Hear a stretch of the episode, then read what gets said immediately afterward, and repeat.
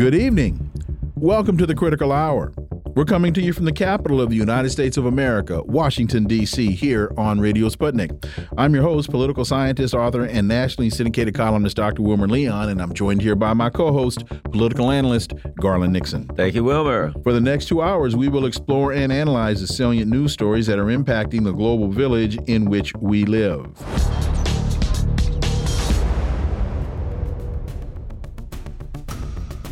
TASS reports dozens of people with dual citizenship, including Russians, are being held hostage by Hamas. In response to a question about Hamas's willingness to discuss a ceasefire, the movement's spokesman Musa Abu Marzouk said that Hamas is open to all political dialogues.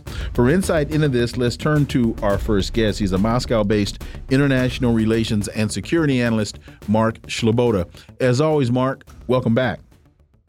Dr. Leon Garland, thanks for having me. It's always an honor and a pleasure to be on the critical hour. So, in response to a question about Hamas's willingness to discuss a ceasefire, he also said that Hamas is open to all political dialogues.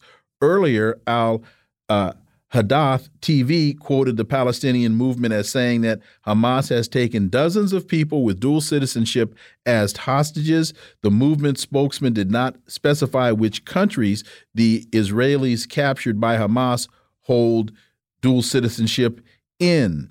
Mark, speak to this, especially in the context of uh, Secretary Lavrov talking about a new world order based upon UN charter and calling for uh, discussions about peace. Mark Sleboda.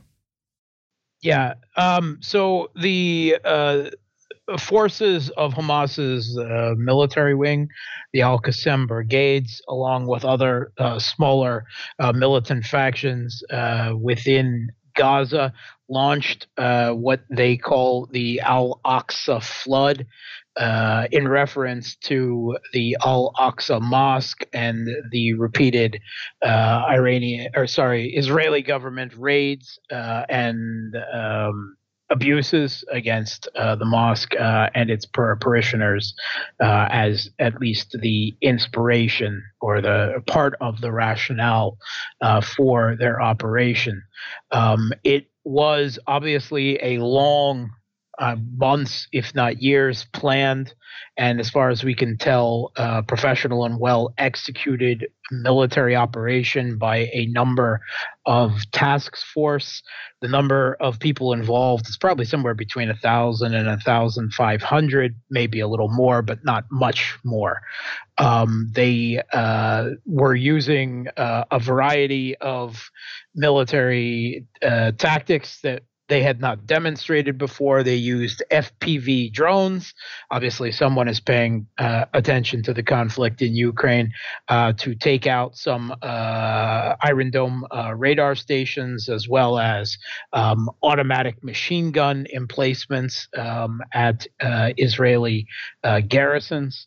Um, they also had a got deep behind Israeli, uh, the IDF's lines uh, by paragliding off of tall buildings uh, within Gaza City, and even launched some small amphibious assaults uh, by small boats. Um, uh, the main purposes of the raids uh, they weren't obviously they could not have expected to take and hold territory for very long and they certainly didn't. The idf has has already taken back what they quote unquote seized but i don't think they intended to hold it permanently uh, or uh, you know even for any length of time. They particularly targeted garrisons and barracks, often achieving complete surprise and killing no small number of Israeli soldiers in their sleep. Um, uh, which was an incredible degree of, of surprise and a major intelligence failure by Mossad that they didn't uh, have any word of this, evidently. But they seized large amounts of arms, ammunition, um, uh, rockets, explosives, uh, armored vehicles, some 40 of them reportedly. There's some reports, which I don't lay any credence to, even F 16s. If they did mm. get their hands on them, I'm sure they destroyed them because they don't really have the ability to do anything with them. But what they could take they brought back to Gaza City. What they couldn't, they destroyed. They also took a large number of hostages. Um, there was a festival, international festival, going on in uh, uh, that part of Israel at the time, and a number of Israeli civilian and military and uh, uh several uh, people with dual Israeli and other citizenship uh, were swept up in that their stated goal for that is to trade them back for the 5,000 plus Palestinians that are held by um, the uh, Israeli government uh, in imprisonment, uh, and also there's uh, they've been trying to use them as human shields to deter the uh, carpet bombing of Gaza City, which has obviously not been effective in the slightest. They have even threatened to execute some hostages if the bombing continues, although it does not appear, at least the last I've heard, that they've they've actually followed through in that. It certainly win win them any hearts and minds, and and might lend some credence to Israeli and U.S. claims that that they are terrorists uh, and and animals and and nothing more, as the Israeli military uh, spokesman uh, uh, spoke of the Palestinian people. Um, I'm sure that they probably did not intend to get dual citizenship. Particularly, there are a large number of um, uh, Jewish ancestry uh, citizens of, of the former Soviet Union and Russia that, that maintain dual citizenship and go back and forth. Um, and uh, it appears that some of them have been swept up. I'm sure that this is a political complication for them. Apparently, some of Chinese uh, dual citizenship as well. And while they now say that they are open to political dialogue. I do not believe that there is any option for political dialogue.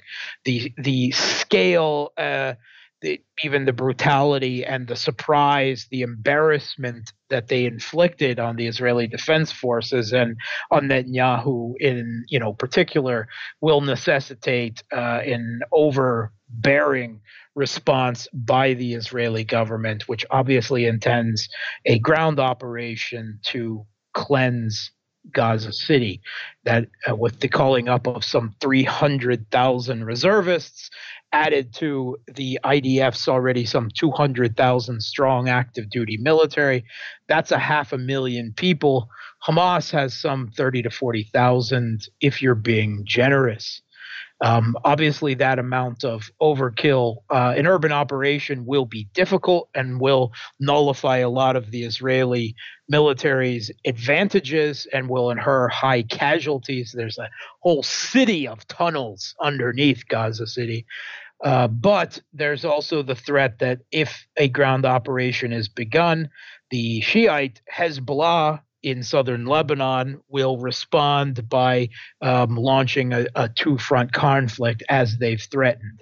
That is what Israel has um, brought in their reservists for to secure probably the northern border before they begin the ground assault in operation. I think it is likely that we will see several days of um, intense artillery and airstrikes on Gaza City before any ground operation is launched in order to get all of that in place. As for uh, the Russian government and the Chinese government, another a number of others have uh, tried to uh, be shall we say, sane and neutral uh, in in light of uh, you know the brutality and and the crimes displayed by both sides thus far, uh, with the tactics they've been using, um, and have called for restraint, peace, and a return to dialogue.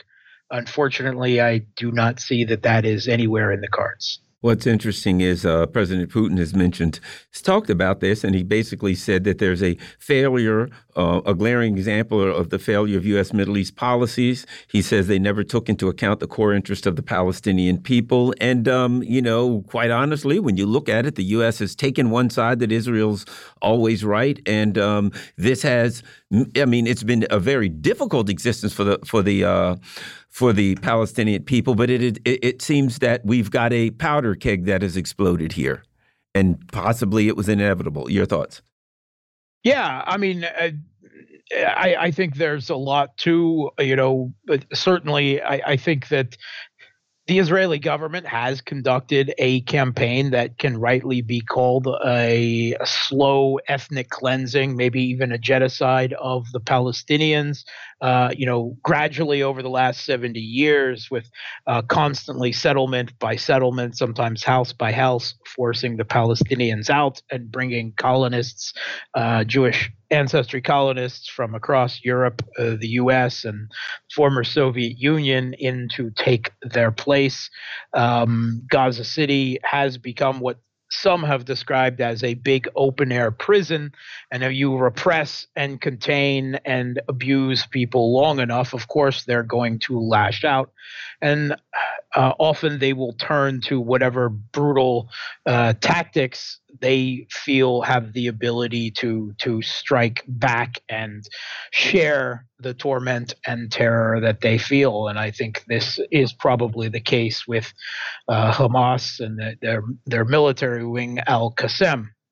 Uh, I think that the U.S.'s wholehearted military and economic support for Israel, their pretense of maintaining uh, some type uh, pretense of peace negotiations while Israel went ahead uh, with their settlement policies has inevitably led up to this regard. But they have coerced and brought enough of the nearby Arab governments under their influence that um, for perhaps the first time in uh, the history of the conflict, Israel now is receiving a apparent green light from the U.S. and EU, and uh, will probably attempt to clear Gaza City and receive uh, no um, repercussions from any of the surrounding Arab states,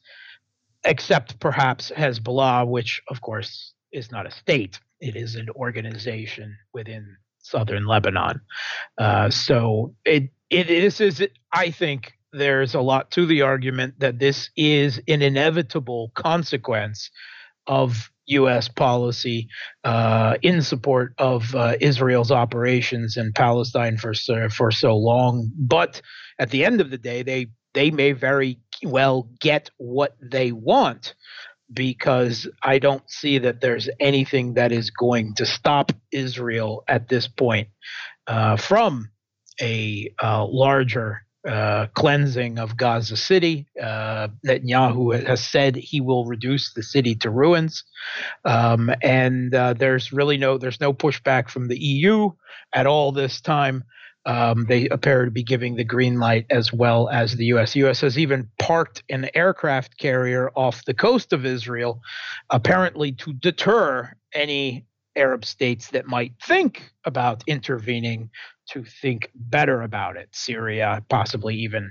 Iran, not an Arab state, uh, but but certainly the uh, Iran has been the country most vocal in support uh, of this operation. Although even they were apparently caught off guard by it, and both U.S. government officials and the Israeli government have been uh, quite clear, actually, that they have seen no sign of direct Iranian involvement in the planning or execution of this Al Aqsa flood operation by Hamas.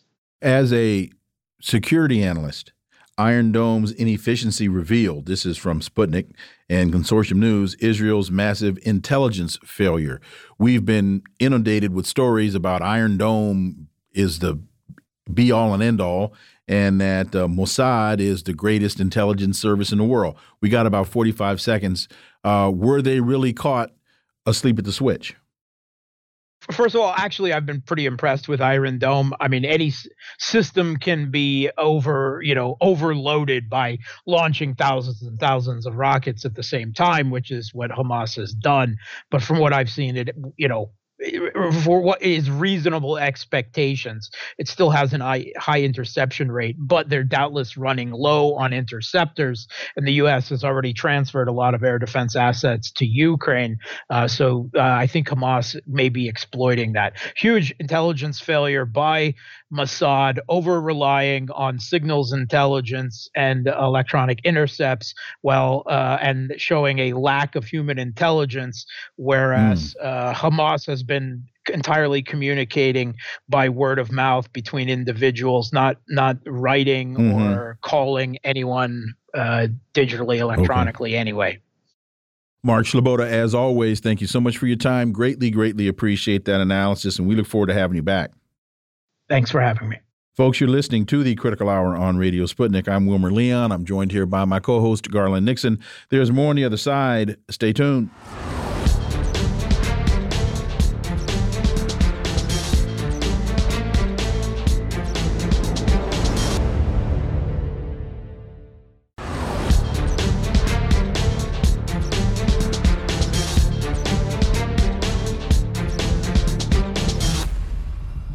We are back, and you're listening to the Critical Hour on Radio Sputnik. I'm Wilmer Leon, joined here by my co host, Garland Nixon. Thank you, Wilmer. There is a very interesting piece at raymcgovern.com entitled, Can You Give a Brief Synopsis of What's Happening in Israel? It opens I was nine years old in 1948 when there was huge celebration in the Bronx at the founding of the State of Israel. No one told me that Arabs had lived on that land for centuries and were displaced by force, tens of thousands of them crammed into postage stamp sized Gaza, now host to 2 million Palestinians. What does context really mean in any type of analysis of this ongoing conflict? Well, for insight, let's turn to our next guest. He leads the Speaking Truth to Power section of Tell the Word, a publishing arm of the Ecumenical Church of the Savior in inner city Washington. He served as a CIA analyst for 27 years. His duties included chairing the national intelligence estimates and preparing the president's daily brief. And in January of 2003, he co created Veteran Intelligence Professionals for Sanity. Ray McGovern, as always, Ray, welcome back. Thank you, Wilmer. This started out, Ray, as a answer to your daughter who asked you a question to give her a synopsis of what's going on and why. Uh, and that resulted in you writing this piece. Your thoughts about my point about context in any type of analysis of this situation be being being of the utmost importance. Well, Wilmer, it goes without saying, but I'll say it anyway that violence of this kind is to be condemned, mm-hmm. no matter whom who does it. Mm-hmm. Uh, but that's not enough. I mean, one has to look look to the roots of the violence. What are the grievances that help understand the violence? Not condone it, uh, but understand it because if you don't understand the roots of the violence, you're never going to end it. Mm-hmm. You know, if you look at the history of Gaza and and the the fact that for 16 years they've been blockaded, that uh, they're running out of uh, just about everything now with the additional blockade put in. And what I wanted to do is, is just to tell my daughter that look, Miriam, um, there are lots of lots of things you need to know, and I can't keep it very brief. I can never keep it very brief, as you guys know.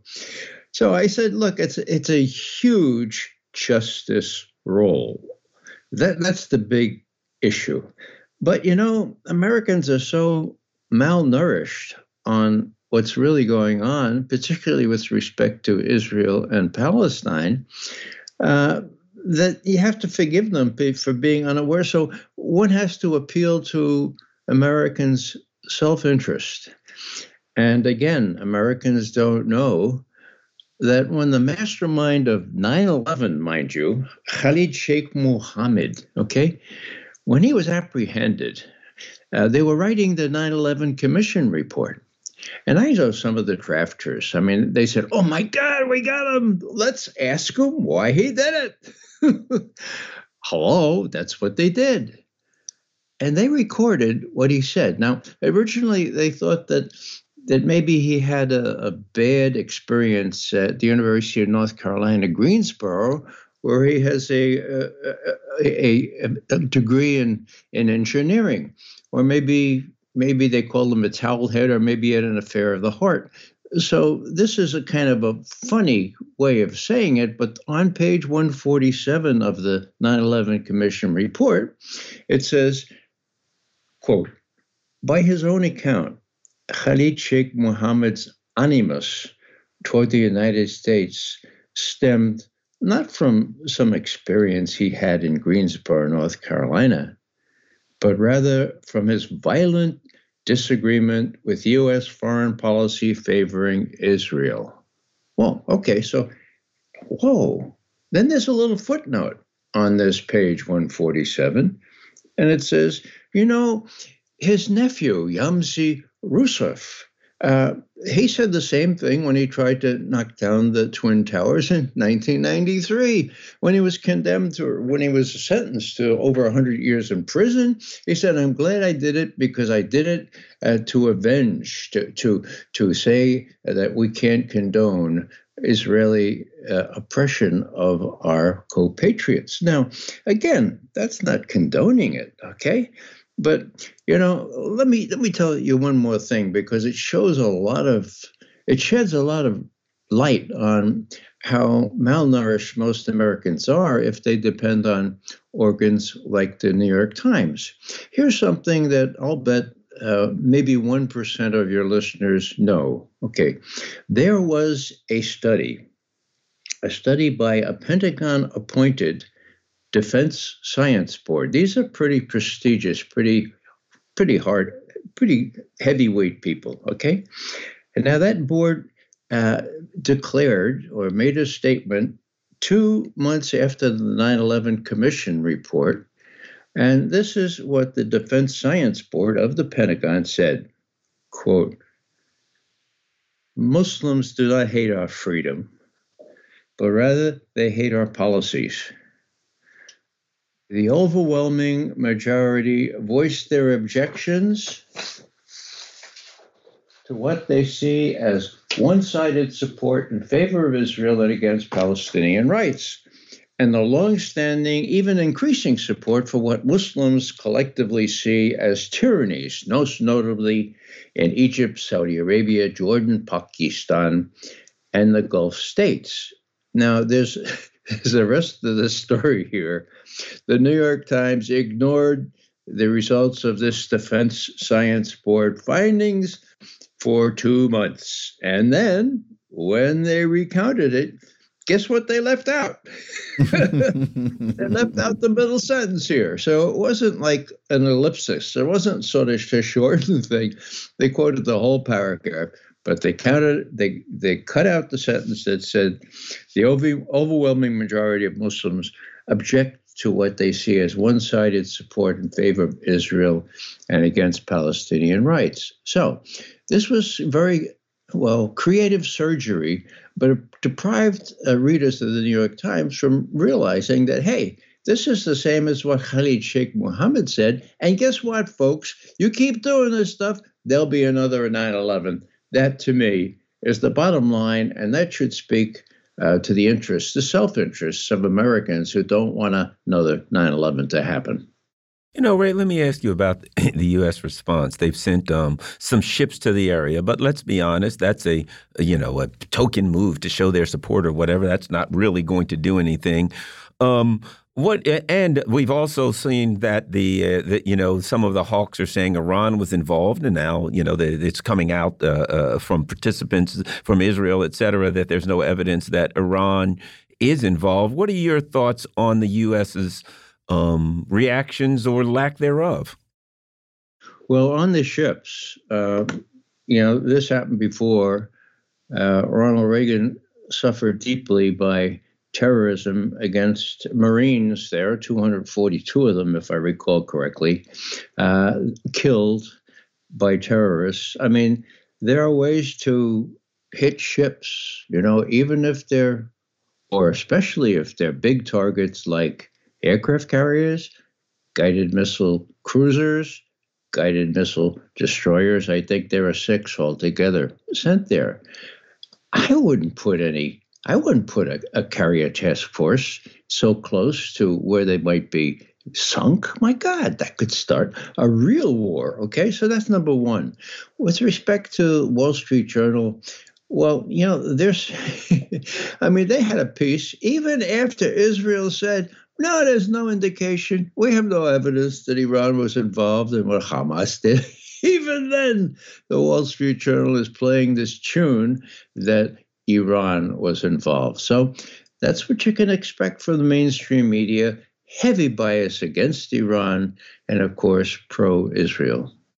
Well, you said you, you shouldn't send an aircraft carrier or a ship of that, a target of that size into that region unless you want that target to be shot at, as then you have justification and rationale for an escalation against Iran. That's just one thought.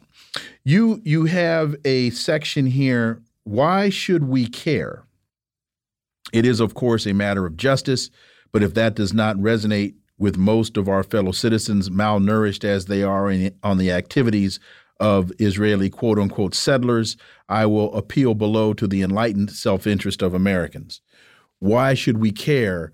And to your point, Ray, this is not a justification or rationale or excuse for violence on either side for any reason. But why should we care?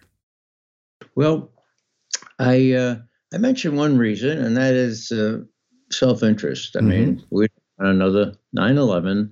These people have what they consider to be, I dare say, what many consider to be legitimate grievances. They take that out on people who enable the Israelis to do these things first and foremost, those people are we, if I may say so. So that's the that's the uh, that's the you know realistic kind of school of thought. Now, in a moral sense, um, if we're going to be a, a nation of justice, okay, uh, we know what the foundation of Israel was. We know how 700 thousand Palestinians were expelled from their homes to make well make way for this this state, which could not have done that with you without U.S. and British support. And we know that half of those ended up in Gaza, and we know that that group that population has grown to two million in the in the largest open air prison or concentration camp. Now, I've been in in uh, in these kinds of uh, concentration camps in Lebanon and in Israel proper. I've not been able to go to Gaza uh, because the, because of the blockade. Although we manfully tried to, we we we built a boat in Athens and we were off into the Aegean when we were called back by the Greek Coast Guard under the orders of the U.S. ambassador. He didn't want us to risk being shut shut up as Americans had been shut up the year before. We're talking 2011 by Israeli gunships. So uh, the idea is that uh, one, one has to look at justice here in writ large, and uh, one should care about injustice anywhere, as uh, Dr. King said.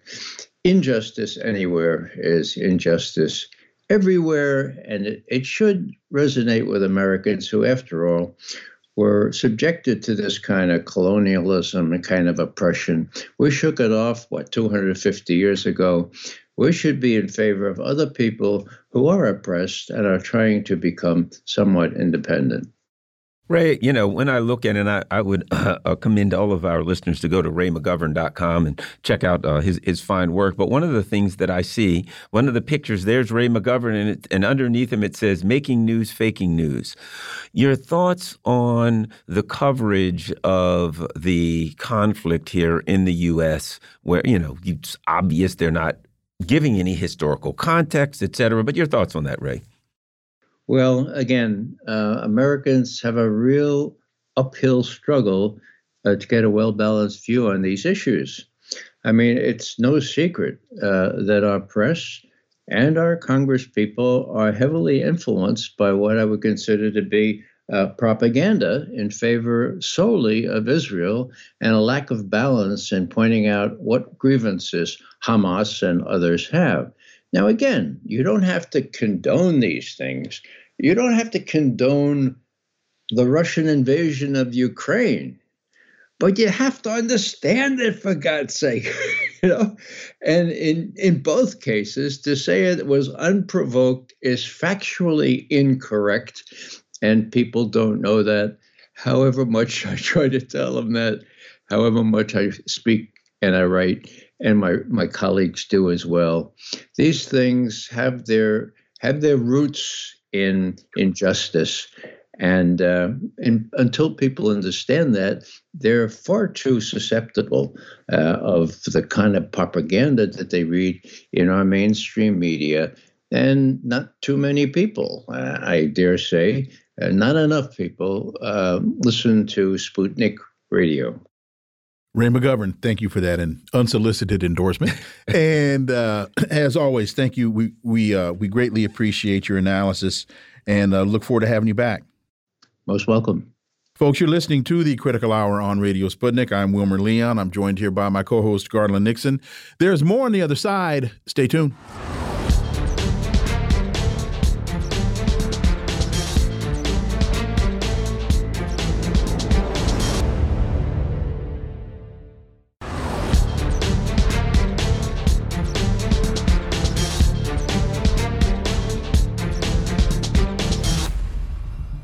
We are back, and you're listening to the Critical Hour on Radio Sputnik. I'm Wilmer Leon, joined here by my co host, Garland Nixon. Thank you, Wilmer.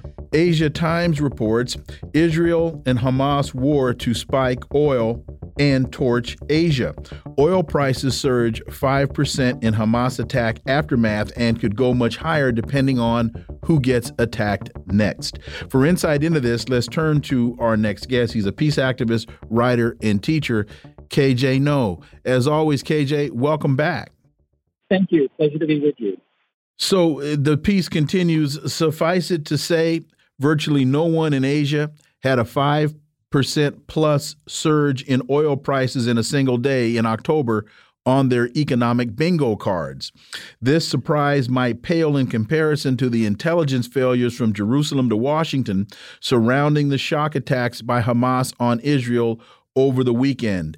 But the fallout is a game changer for Asian governments and central banks already grappling with elevated inflation and rising U.S. Treasury, Treasury debt yields. Already, the Bank of Israel scrambled to cobble together roughly 45 billion U.S. dollars to stabilize the shekel, the local currency. The ripple effects here, KJ, are enormous, and the results of which are still yet unknown. Yeah, so there are going to be tremendous ripple effects, and they're going to be felt not only economically, but also geostrategically and even militarily. I just want to remind people that the Yom Kippur War was also a proxy war between the USSR and the United States in terms of doctrine, weapons, and technology. And we see that being reenacted not only in Ukraine, but I think it's pretty uh, fair to say that, uh, you know, Hamas's uh, uh conflict with uh, Israel has also been influenced by the uh, you know by the effects of the Ukraine war, certainly in uh, the domain of intelligence. And so I think that um, uh, I think that you know these effects will be long lasting and they will be tremendous. We know that Hezbollah has already engaged with uh, Israeli bases, and they have threatened, uh, you know, to take it further up the escalation ladder. Certainly, Iran is not going to be sitting on the sidelines and waiting for, you know, demolition or attacks or or um, uh, rhetoric to be launched against it. So I think this has all the makings of a tremendous uh, uh, explosion, not only in the Middle East but all across Europe uh, and Asia.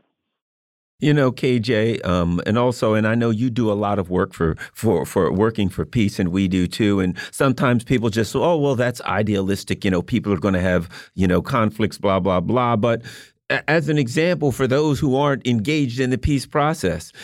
Just talking about the oil, if this thing would metastasize in the Middle East and turn into a regional war where all the oil comes from, and let's say the Straits of Hormuz gets closed down, things like that, it would be an economic catastrophe worldwide. So even those of who normally, you know, don't work for peace, for out of pure self-interest, should consider that. Your thoughts? You're absolutely correct. Yes. I mean, there is no other way but to work for negotiation, de escalation, and peace. As you yourself pointed out, the very existence of Israel has to do with monitoring and controlling and ensuring, you know, the, the, the, flow of oil. And the fact that that uh, calculus is being upended uh, means that, you know, we have to bring a completely different plan to the table and rapidly. Otherwise, we are going to see pain on a level that we have not felt, you know, in a century. There's a another uh, very interesting piece in Asia Times. U.S. crisis hotline calls ring in empty Chinese rooms. With little to no mutual or political trust with U.S., China isn't keen to use military hotlines to avoid conflict and manage a crisis. Your thoughts on this?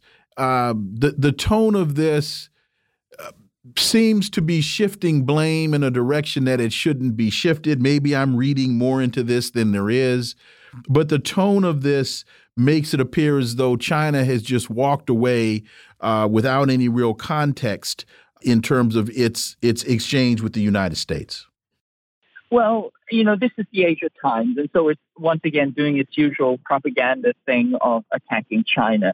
Uh, they're, they're trying to claim that, you know, the U.S. is uh, in a process of engagement, and when the U.S. does crisis, uh, you know, uh, engagement, that it is trying to de-escalate. Uh, China only does it opportunistically, uh, and that China's intention is to escalate, and they won't answer the phone, and, you know, this is a signal of further bad faith on the part of China which is absolute and complete, pardon my French, CRAP. Uh, I think they have it completely backwards. China has always tried to de escalate, tried to engage. It's wanted peace and good relations, win win relations with not only the United States, but the rest of the world. It's the U.S. which is encircling China, escalating to war. And once having done that, once stepped right up into your face and started to threaten China, when China starts to back away to create uh, some kind of a safe distance, they're saying, oh, what's wrong with you? Why are you not engaging? You know, there must be something that you are doing which is, you know, threatening or bad faith. It's completely 180 degrees opposed to the truth. And this is just one more example of Asia Times' extraordinary bad faith uh, in some of the articles that they publish. Well, I mean, when uh, I look at this article and they talk about how important it is to understand China's position, even in this article, but rather than understand it, they simply put forward a position and say, China thinks this, China believes this. And when you look at these things, they don't match what China says. So to argue it's important to understand what China wants out of this or how they see it, and then to put forth false premises that you're presupposing China you get you you get you, you see the point I'm getting at, KJ. No, you're absolutely correct. I mean, they're speaking for China. They're saying that China is doing this and therefore China is bad. And that is the ultimate bad faith because they didn't even take the basic, you know, common sense, you know, uh, decency to just just to look at what China is saying and doing, or to even uh, speak to, you know, Chinese spokesperson. Not one word of that. It's essentially 100% projection. And I cannot emphasize enough the extraordinary bad faith of an article like this. There's another, to me, incredibly interesting piece. It's in Bloomberg, it's in a number of places. Schumer confronts Xi on Israel Hamas stance in rare meeting. And uh, Israel, uh, China issued a statement condemning uh, the violence and then allegedly, Schumer calls President Xi and says that China's position isn't strong enough. And then it's reported as a in as a result of Schumer chastising President Xi, China issues an additional statement that was stronger than the first. Can you provide any insight or clarity based uh, based upon your understanding of reality?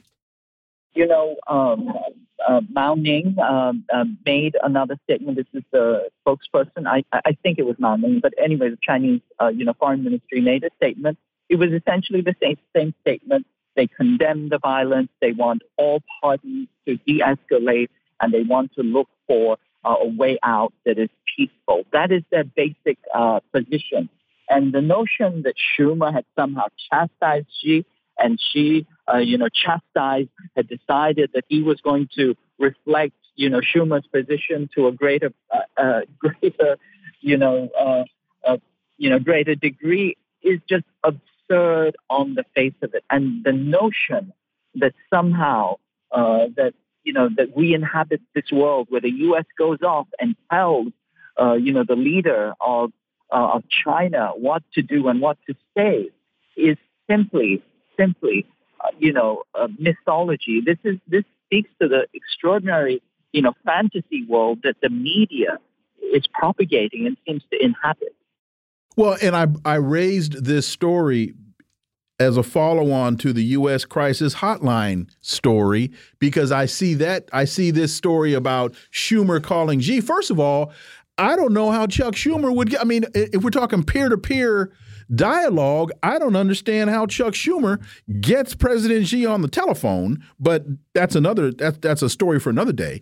But I just saw this as another example of what you were articulating earlier as it related to the US crisis hotline story. And we could talk about the the the the Antony Blinken meeting with the Chinese delegation in Anchorage. We can talk about the the the the, the wayward um, weather balloon and the story that I mean there are a number of example very recent examples of what you were explaining about this U.S. crisis hotline story. Yes, you're absolutely correct. And, you know, let's be very clear. You know, we're right now in the throes of a massive, massive information operation. Everything that we're hearing from the mainstream media about China is either projection, uh, every accusation is a confession, and Chuck Schumer has about as much chance of controlling Xi's messaging as he does as of controlling the weather. China and its gross gross domestic product, the economy is predicted to hit 2023 growth target, but action is still needed to ensure long-term stability. This projection or prediction should be very frightening to the United States. You're absolutely correct. So China's economy is starting to stabilize, and uh, according to all indicators, it's going to have annual growth around 5%. Uh, you know, JP Morgan says 5.1, Hang Seng says 5.3, the World Bank says 5.1.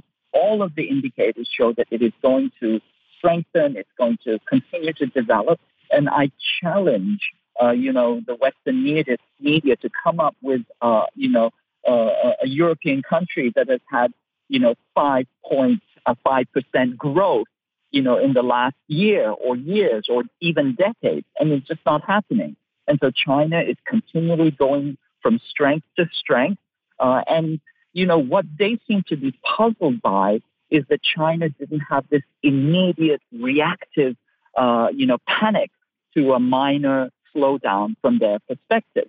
Uh, you know, the U.S. when when it does a stimulus, economic stimulus, you know, it's like it's like somebody eating sugar or drinking soda. You get a temporary spike, and that makes things better for a very short time until you crash even worse. China doesn't do short sugar spike stimuluses uh, on its economy. Always plans and thinks for the long term, and it it you know it's working to uh, discipline fire, you know, finance uh, and real estate, and that's what it will continue to do as it continues to build out its manufacturing strength, which we see is the key rising indicator uh, as we shift into the third quarter. This comes across to me, Wilmer, as like a grudging acknowledgement that they were mm-hmm. wrong mm -hmm. because we've gotten all these articles. Oh, you know, China's going to sink, their economy's done, their housing market's finished, blah, blah, blah. And when it comes out that they're going to do, well, oh, okay, well, maybe not. But doggone it, in the future, they're going to be in a world of trouble. It's well, and there's laughable. One, and there's one other element here. Economic growth is largely set to be driven by the booming service sector. Now, the U.S. Fed has been raising interest rates to bring about uh, reduction in the U.S. service sector. That's one of the that's one of the goals that were set uh, by the director of the Fed. But here, the service sector is one of the things that is contributing to the growth of the Chinese economy. KJ, Noh, do you see some inconsistency here?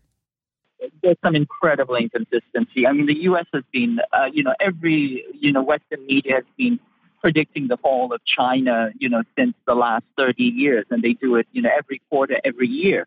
Certainly, it's not it's not happening. But China is boosting the service sector, which is part of its dual circulation strategy. That is to say, to boost domestic consumption. I okay. told you I was in China a few months ago. We saw incredible amounts of you know service sector activity, especially in tourism. And so I think it's a complete misread, and they don't want to acknowledge that they've gotten it wrong once again because of their ideological projection. KJ Noh, as always, thank you so much for your time. Greatly, greatly appreciate that analysis, and we look forward to having you back. Thank you. Always a pleasure. Folks, you're listening to the Critical Hour on Radio Sputnik. I'm Wilmer Leon. I'm joined here by my co host, Garland Nixon. There's more on the other side. Stay tuned.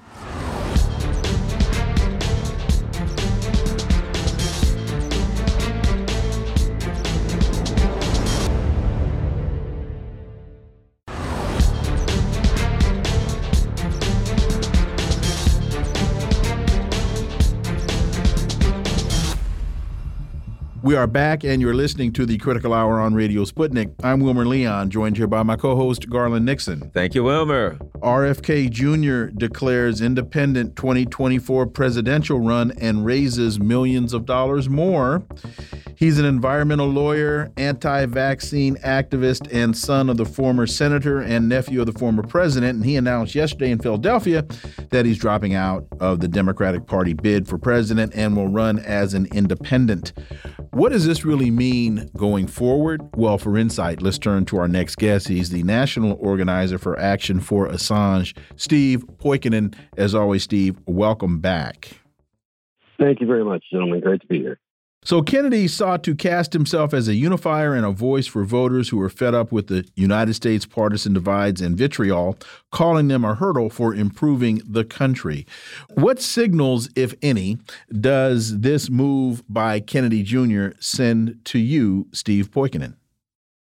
Well, I mean, it, it is uh, I like the fact that he has broken ties with a party that in no way, shape, or form represents the vast majority of its constituents or the original marketing, the marketing that people are used to uh, in terms of what they hear about the Democrats in general. Kennedy represents, at least to most people, the uh, older version of the classic liberal from uh, a bygone era that is supposed to help battle for the rights of regular working people, stand up to corporate interests, not necessarily promote and and uh, back every single military conflict uh, under the sun. And now we have him severing ties with a Democratic Party that is is inarguably the most totalitarian incarnation of itself that we've ever seen. Uh, and he's going to end up being painted as some sort of, you know, foreign agent spoiler in what we all know should be a two party contest, gentlemen, because the freest and fairest country has the freest and fairest elections, which is why neither of them are really having a primary to speak of. Both major challengers are either facing impeachment or have been impeached and currently under several indictments. And uh, every single time that there's an election, we have issues with whether or not it, it was, in fact, a legitimate one. Well, you know, one of the things I think that'll interest, be interesting to see here, and that is in Green Party and some of the other parties out there, Libertarian Party, Communist Party, the various parties that actually are on the ballot in several states. what we've seen is kind of a backdoor wink and a nod and a handshake where both the Republicans and the Democrats would work to try to get them off the ballot or take them out. With RFK Jr. running, um, you know, kind of out in the open here, it will kind of push them to these two parties, the uniparty, to kind of have to more openly work together to thwart this because both of them are in fear that he'll take some of their votes, and they're probably both right. Your thoughts, Steve? Well, they are both right, and, but therein lies the problem. He can only take votes if he's on the ballot, and it, there's a, a an incomplete process in order to get on the ballot in all 50 states as a third party candidate. The Green Party got close with, I think, 40 or 42 states last time. The Democrats have successfully sued to keep the Greens off. The Republicans do it if they have to step in. Where RFK Jr. is concerned, it, he is, and this is his own polling and Politico's own polling, likely at the end of the day to pull a few more votes away from the right than he would from Biden or certainly a Newsom or uh, or whoever, what other muppet they could throw in to replace Joe. Um, so he does get to, no matter what, and here's what I hope happens. Everywhere he goes as a candidate, he goes, boy, it's really tough to get on the ballot in this state. Here's the process. Here's how you do it. Can you believe this is what they make you jump through in order to be a part of the freest and fairest country in the world with our freest and fairest elections under the face of the earth? This is how it works. And if that's kind of the case, if it becomes an educational campaign, I, I would much rather see that than just pure posturing about how what, what's going to happen when we get elected in a system that will not, under any circumstances, allow for that. Two stories that we'll we'll put together. Hillary Clinton says MAGA folks are cult members that need deprogramming, and Donna Brazile says that the Clinton campaign was a cult.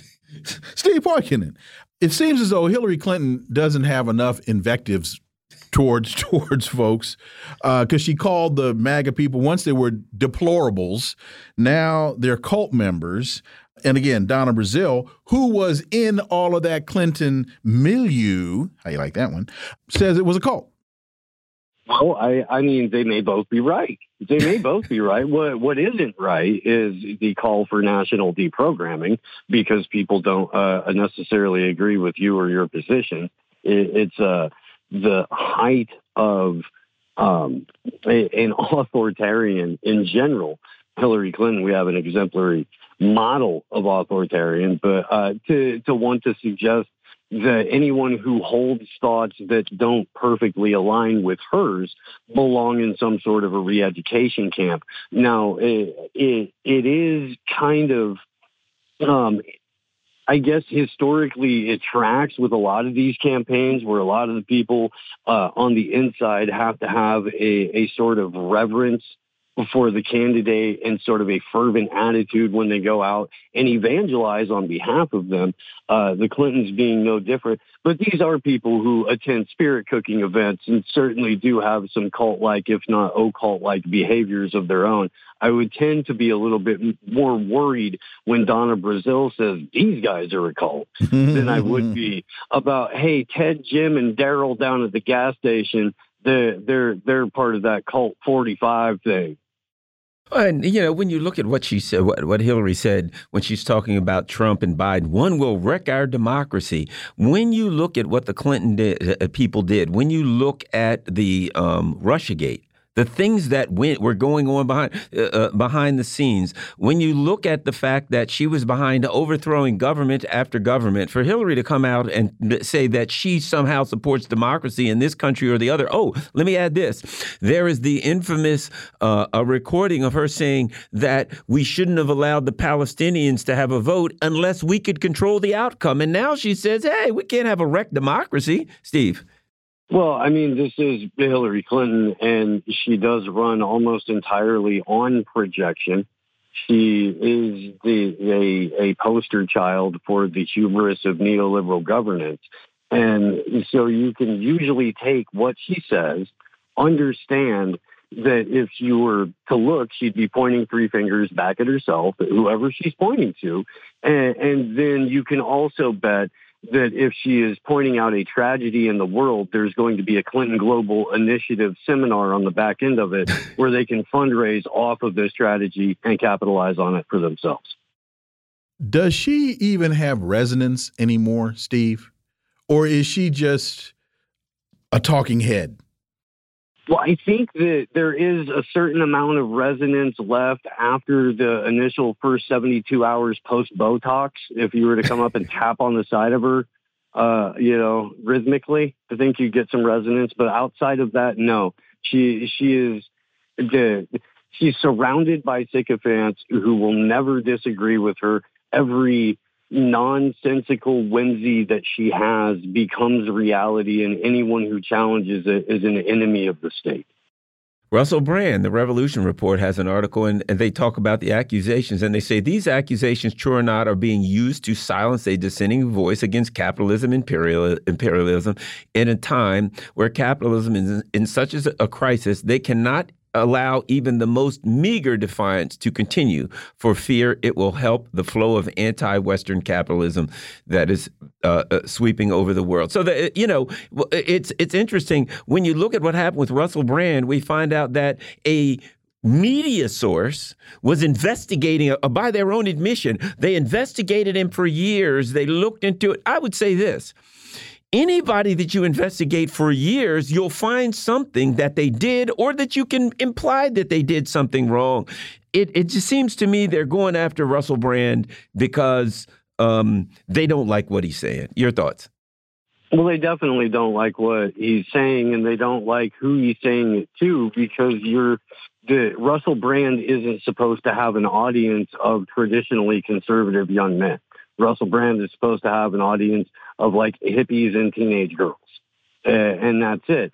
And so once the the um, once common sense leaks out of whatever bubble you're trying to trap it in in the first place, Russell Brand wasn't a problem. I think he even talked about this in the article. He wasn't a problem when he was on his way to being a spiritual guru. Nobody right. cared what he had to say then. But as soon as he gets outside of that audience and outside of that bubble and making sense to people who then turn around and ask questions to their friends and family, now he's a problem. So now you have to jump in with the smear machine. And, and that is to a large degree what's happened. Are you seeing similarities here between some of the other independent candidates in terms of the attack and the approach as it relates to Robert Kennedy and as it relates to Dr. West? Well, there's always going to be lots of overlap with that, especially to people who have traditionally stuck their necks out against what the prevailing narrative is. And in their own ways, certainly not on the same page all the time, but in their own ways, both Dr. West and RFK Jr. Uh, have been doing that as their the entirety of their careers. So being third party was rough enough for them, but being third party candidates that have historically challenged uh, in, empire narrative after empire narrative for decades uh, paints an even bigger target on both of them. Steve Poikonen, as always, thank you so much for your time. Greatly, greatly appreciate that analysis, and we look forward to having you back. Thank you very much, gentlemen. Folks, you're listening to the Critical Hour on Radio Sputnik. I'm Wilmer Leon. I'm joined here by my co host, Garland Nixon. There's another hour on the other side. Stay tuned.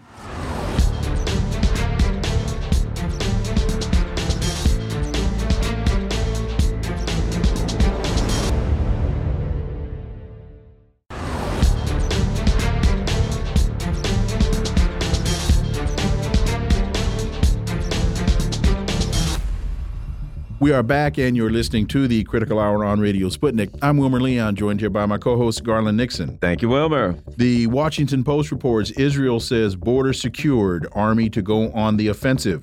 Israel's military announced that the country's border is under control after hours of fighting and airstrikes today. Brigadier General Dan Goldfus of the 98th Division said the military is now moving into the offensive to change the reality within Gaza to prevent such a thing from happening again again.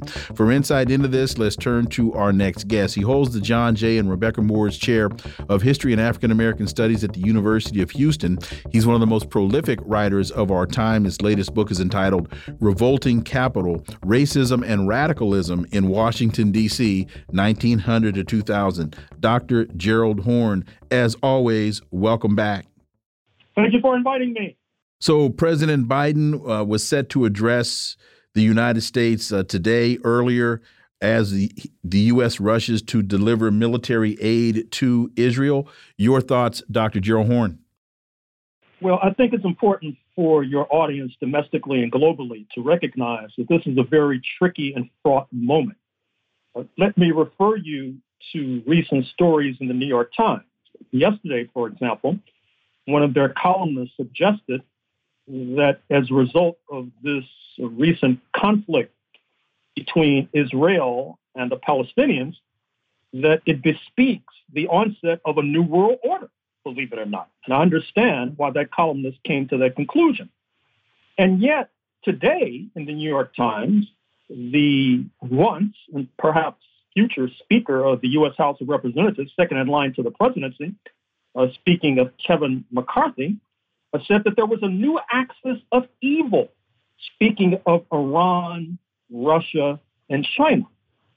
Given the fact that the U.S. authorities have moved a naval flotilla closer to the area of conflict, and given the drumbeat of propaganda suggesting that Iran is actually the hidden hand behind Hamas, as reflected in the story in the Wall Street Journal just the other day. And given the fact that this escapade in Ukraine by US and NATO is not going very well, to put it mildly, there is a possibility that US imperialism will act upon its age old nostrum of not allowing a crisis to go to waste and reflecting a further nostrum by the late Pentagon chief uh, Donald Rumsfeld. Uh, that is to say, that if you have a problem, the way you deal with it is to enlarge it. There is, I'm afraid to say, a distinct possibility that we may, and I underline may, uh, be on the cusp of a wider conflict that could easily uh, tip in to hold your breath World War III. Now, uh, let me mention some other contrasting and conflicting uh, stories that should be sobering and perhaps reassuring. Recall that in the last 24 hours, Mr. Biden was able to knock together a coalition involving Britain, Germany, France, Italy, the usual suspects, in support of Israel. But my question in looking at that statement was where was Japan and where was South Korea? Were they asked? If they were not asked, that exhibits a fault line in the emerging coalition that seeks to reassert U.S. hegemony. Recall the discussions about opening a North Atlantic Treaty Organization uh, in Northeast Asia. And if they were asked and they refused, well, that raises even more troubling questions about the prospects and future of a U.S. dominated planet. And keep in mind as well what is happening around the globe.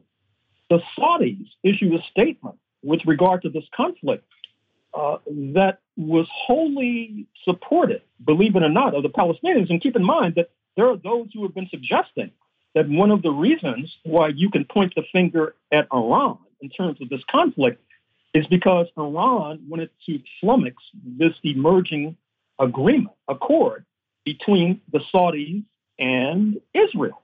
I, I think that's a bit far fetched, particularly when one considers the fact that, as to be expected, uh, you have predominantly Islamic nations, uh, speaking of Pakistan, Indonesia, the giant of ASEAN, the Association of Southeast Asian Nations, Malaysia, uh, their comrade in arms in terms of the Islamic Muslim bloc.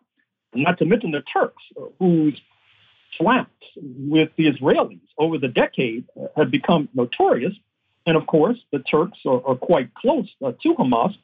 This may suggest that the Japanese, the South Koreans may be hedging their bets in light of this kind of coalition uh, that is emerging uh, in the Arab and Muslim world.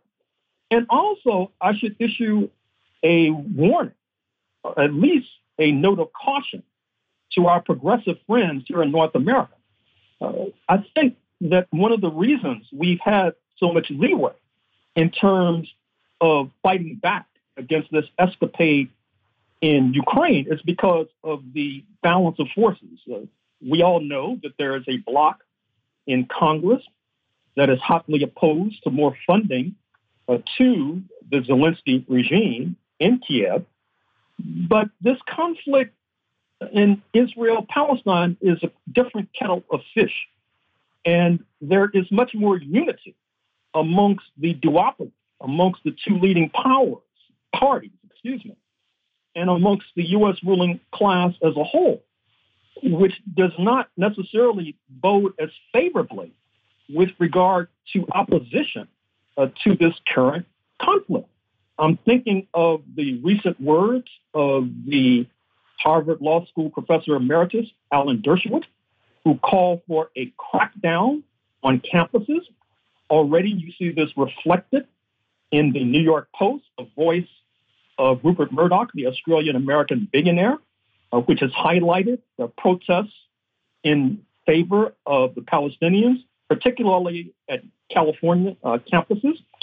And keep in mind as well the rather vitriolic attack on Congresswoman Omar of Minnesota, not to mention uh, Congresswoman uh, Rashida Tlaib uh, of the Squad uh, of Michigan. Uh, this is, is quite sobering. And if you let your minds reel back, recall that a turning point for progressive forces here in North America was the war on the Korean Peninsula in 1950 to 1953.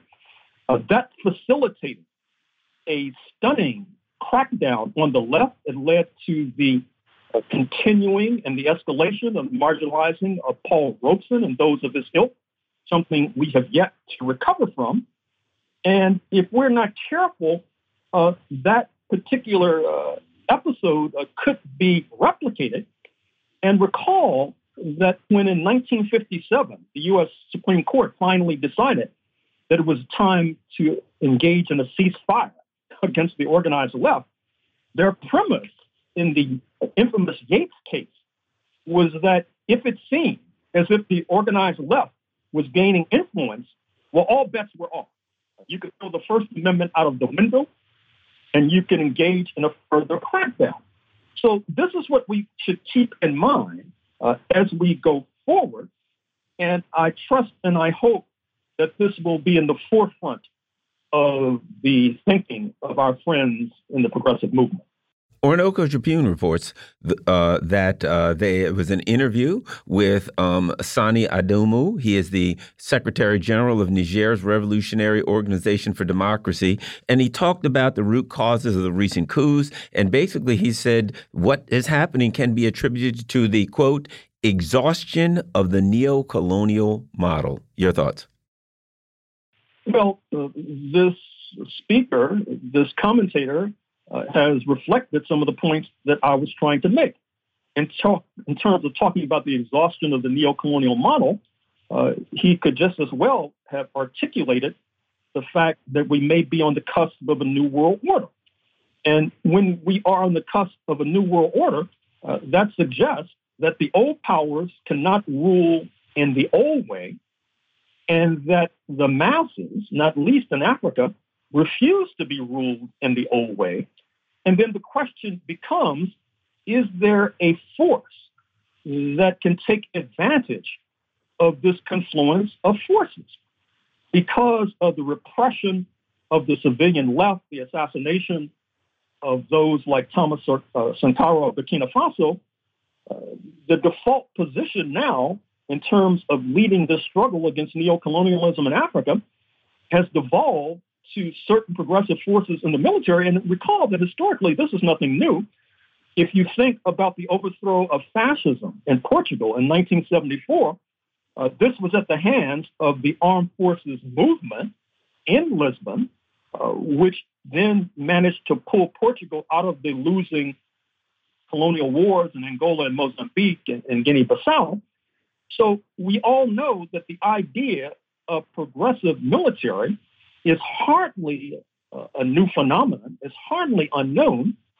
And I should also say that with regard to Niger in particular, pay careful and close attention to the fact that Washington finally has ruled that what took place in Niamey uh, at the end of July 2023 was, in fact, in their words, a coup, unquote, which now allows Washington to follow the law, believe it or not, and crack down further on this regime that is obviously hostile to French neocolonialism.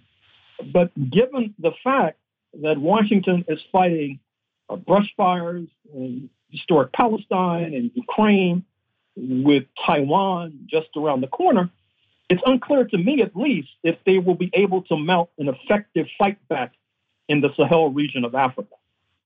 Two things uh, quickly. One, you mentioned Donald Rumsfeld and his saying the way you deal with a problem is make it bigger. So, with the United States sending this flotilla into the region, it seems as though since they could not bait uh, Russia into escalating the Ukraine conflict. They haven't been able to get China to fight over Taiwan, that they're now using this conflict as the hopefully next, next escalatory adventure uh, to get into a larger conflict. And then, if you could just comment on that, and then uh, I'm reading reports from places like the Indian Express that say Hamas may have hit or killed a brewing Israel Saudi agreement. Here's how. And Fortune magazine is saying the same thing. Well, with regard to the latter point, that, that's something that I alluded to a moment or two ago. Uh, and I think that given the statement that the Saudis made on this conflict, which was denounced by Senator Lindsey Graham of South Carolina, uh, that might have thrown a monkey wrench into this alleged emerging pact between Israel and the Saudis. It's not only historic Palestine that we have to keep an eye on with regard to trying to widen the conflicts and make a bigger problem per Donald Rumsfeld. Uh, I trust and I hope that you will keep a close eye on the conflict between Armenia and Azerbaijan where Washington was able to bait the Armenians into taking a position that was interpreted widely as being critical of Moscow, and then that led to the fleeing of Armenians from Nagorno-Karabakh, which of course had theretofore been seen by many as an Armenian enclave on Azerbaijan territory. And then there are the recent reports coming out of Georgia, not the U.S. southern state, but the former Soviet republic, about U.S. operatives supposedly fingered in terms of trying to execute yet another so-called color revolution because the regime in Tbilisi, once again, is seen as being all too close to Moscow. So we have our hands full uh, in this country. And I trust and I hope we'll be up to the task at hand. And Dr. Gerald Horne, as always, thank you so much for your time. Greatly, greatly appreciate that analysis, and we look forward to having you back. Thank you. Folks, you're listening to the Critical Hour on Radio Sputnik. I'm Wilmer Leon. I'm joined here by my co host, Garland Nixon. There's more on the other side. Stay tuned.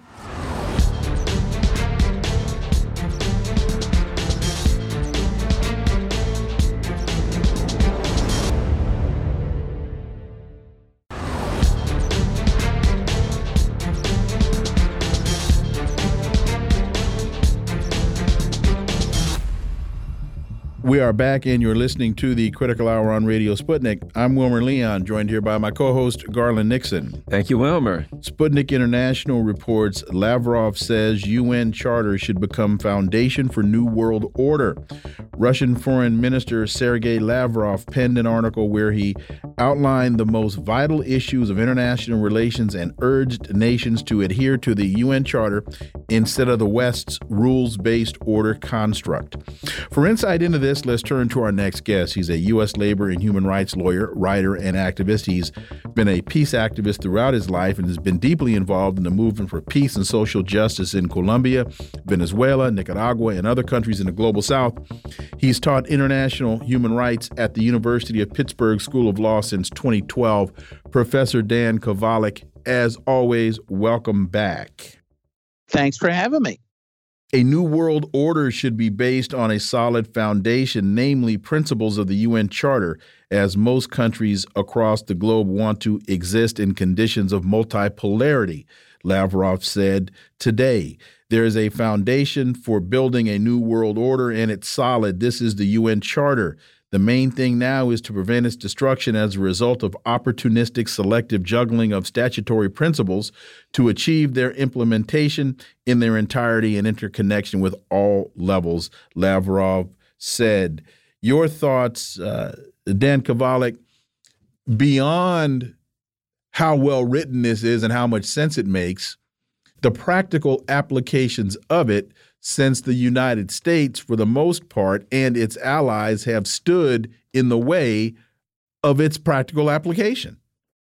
Yeah, I mean the irony is that while the U.S. was, you know, one of the chief drafters of the UN Charter, it really is soon, you know, before the ink was even dry on it, the U.S. began to violate it and actually try to intentionally undermine it, mine it. And how and how did it do that? So the main goal of the UN Charter, not surprisingly, given that it was written after and in response to World War II, was and is to prevent war.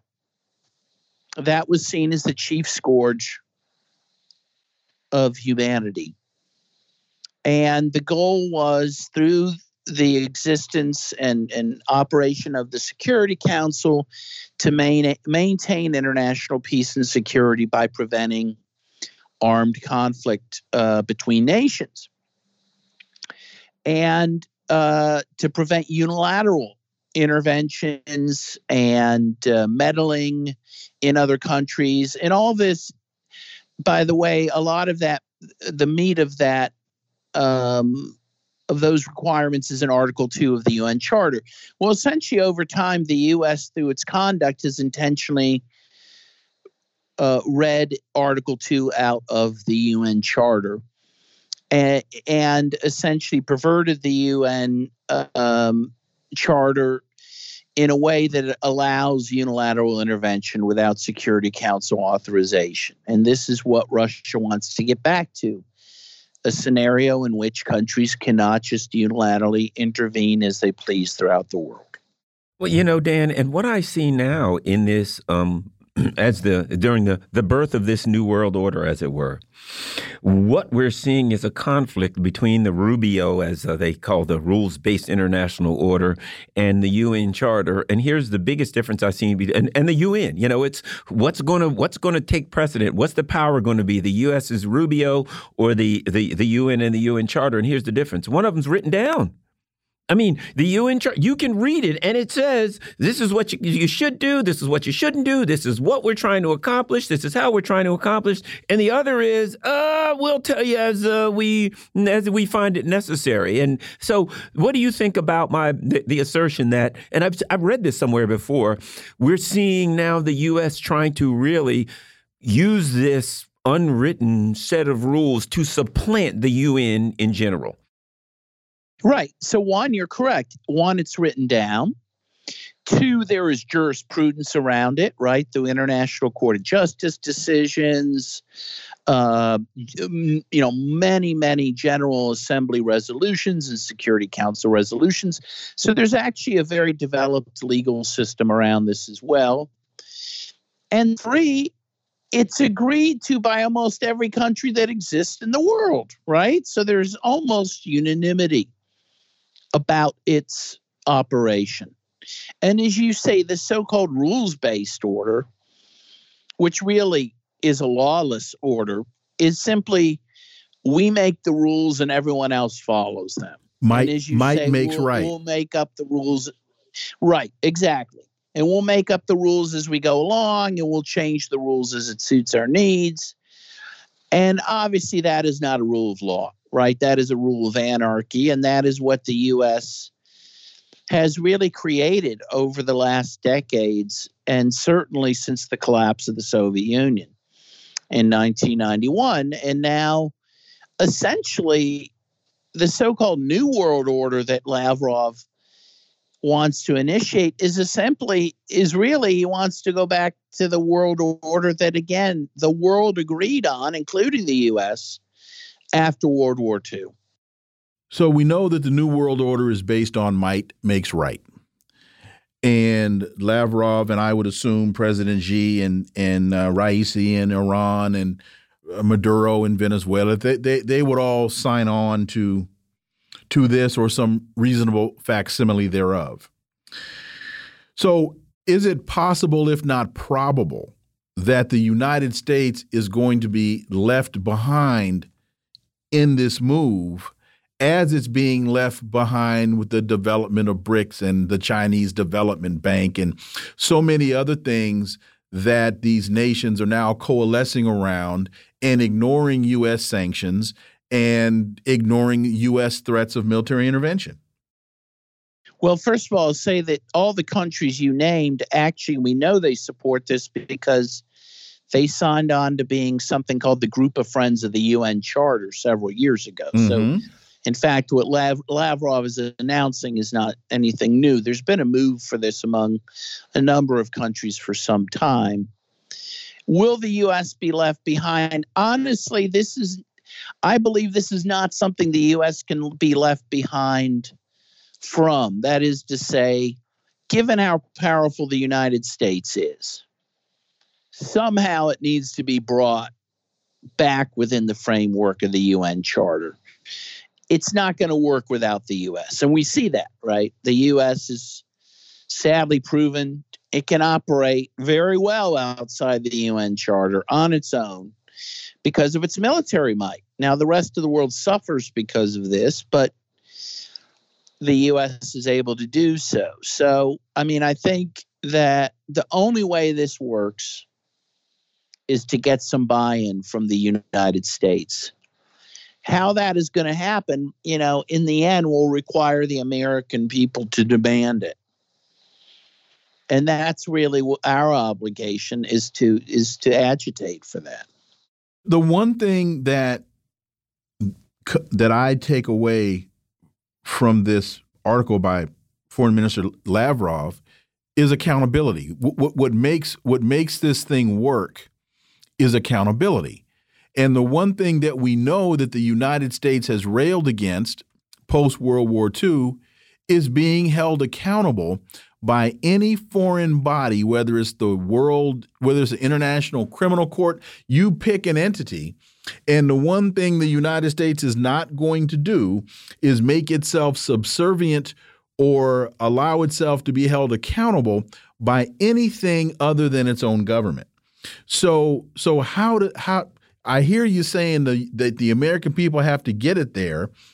How do the American people get it there? Well, through their elected officials. We have to demand it of our elected officials, and we have to elect people who are interested in this.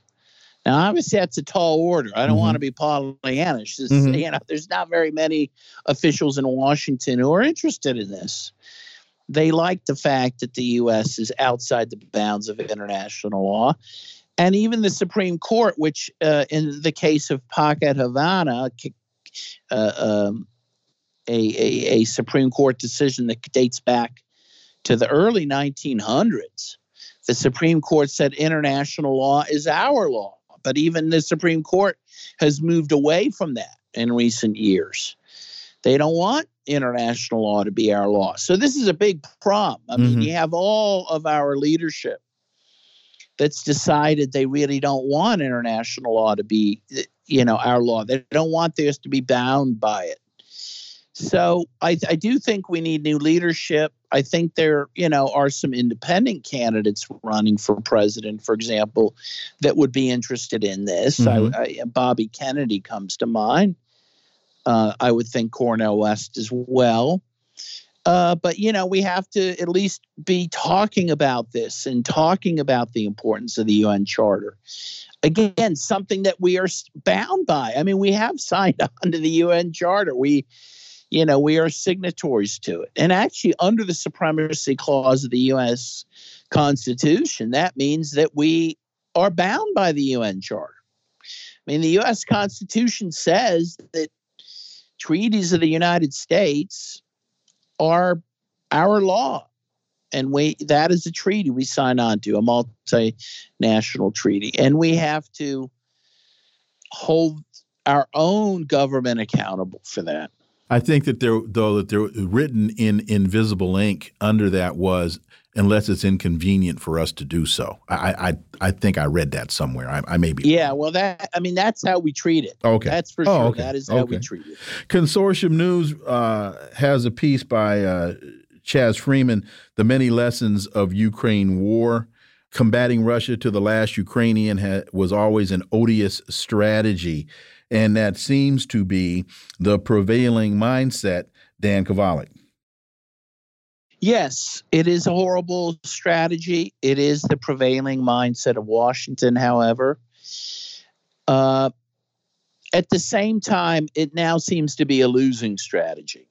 That is to say, that it really, the war in Ukraine has not worn down Russia, either economically or militarily. It has only worn down NATO, which is actually running out of munitions. And now, of course, other fronts are opening up most notably in the Palestine Israeli conflict is mm-hmm. going now. And now, of course, the U.S. wants to get involved there. Of course, which is the worst news that Zelensky could hear, right? I mean, I think, I think you could see the West now turning away from Ukraine because, again, it's running out of resources and now has other fronts it wants to fight on. Um, so I do hope maybe that that is the case that that, that the West will back off of supporting this very cruel and again losing strategy in Ukraine.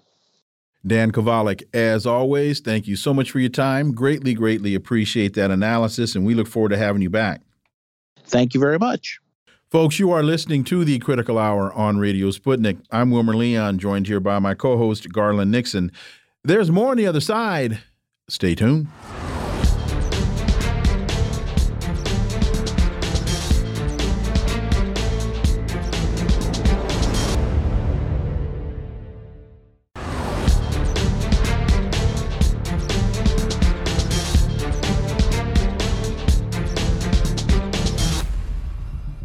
We are back, and you're listening to the Critical Hour on Radio Sputnik. I'm Wilmer Leon, joined here by my co host, Garland Nixon. Thank you, Wilmer. Robert F. Kennedy Jr. declares independent 2024 presidential run raises millions of dollars more. Uh, he's an environmental lawyer, anti vaccine activist, and son of the former senator and nephew of the former president. Announced yesterday in Philadelphia that he's dropping his Democratic Party bid for president and will run as an independent. For insight into this, let's turn to our next guest. She's the co editor of Popular Resistance, Dr. Margaret Flowers. As always, Margaret, welcome back. Thank you. It's great to be with you. You know, you left Zionist out of that description. Oh, that he's a Zionist?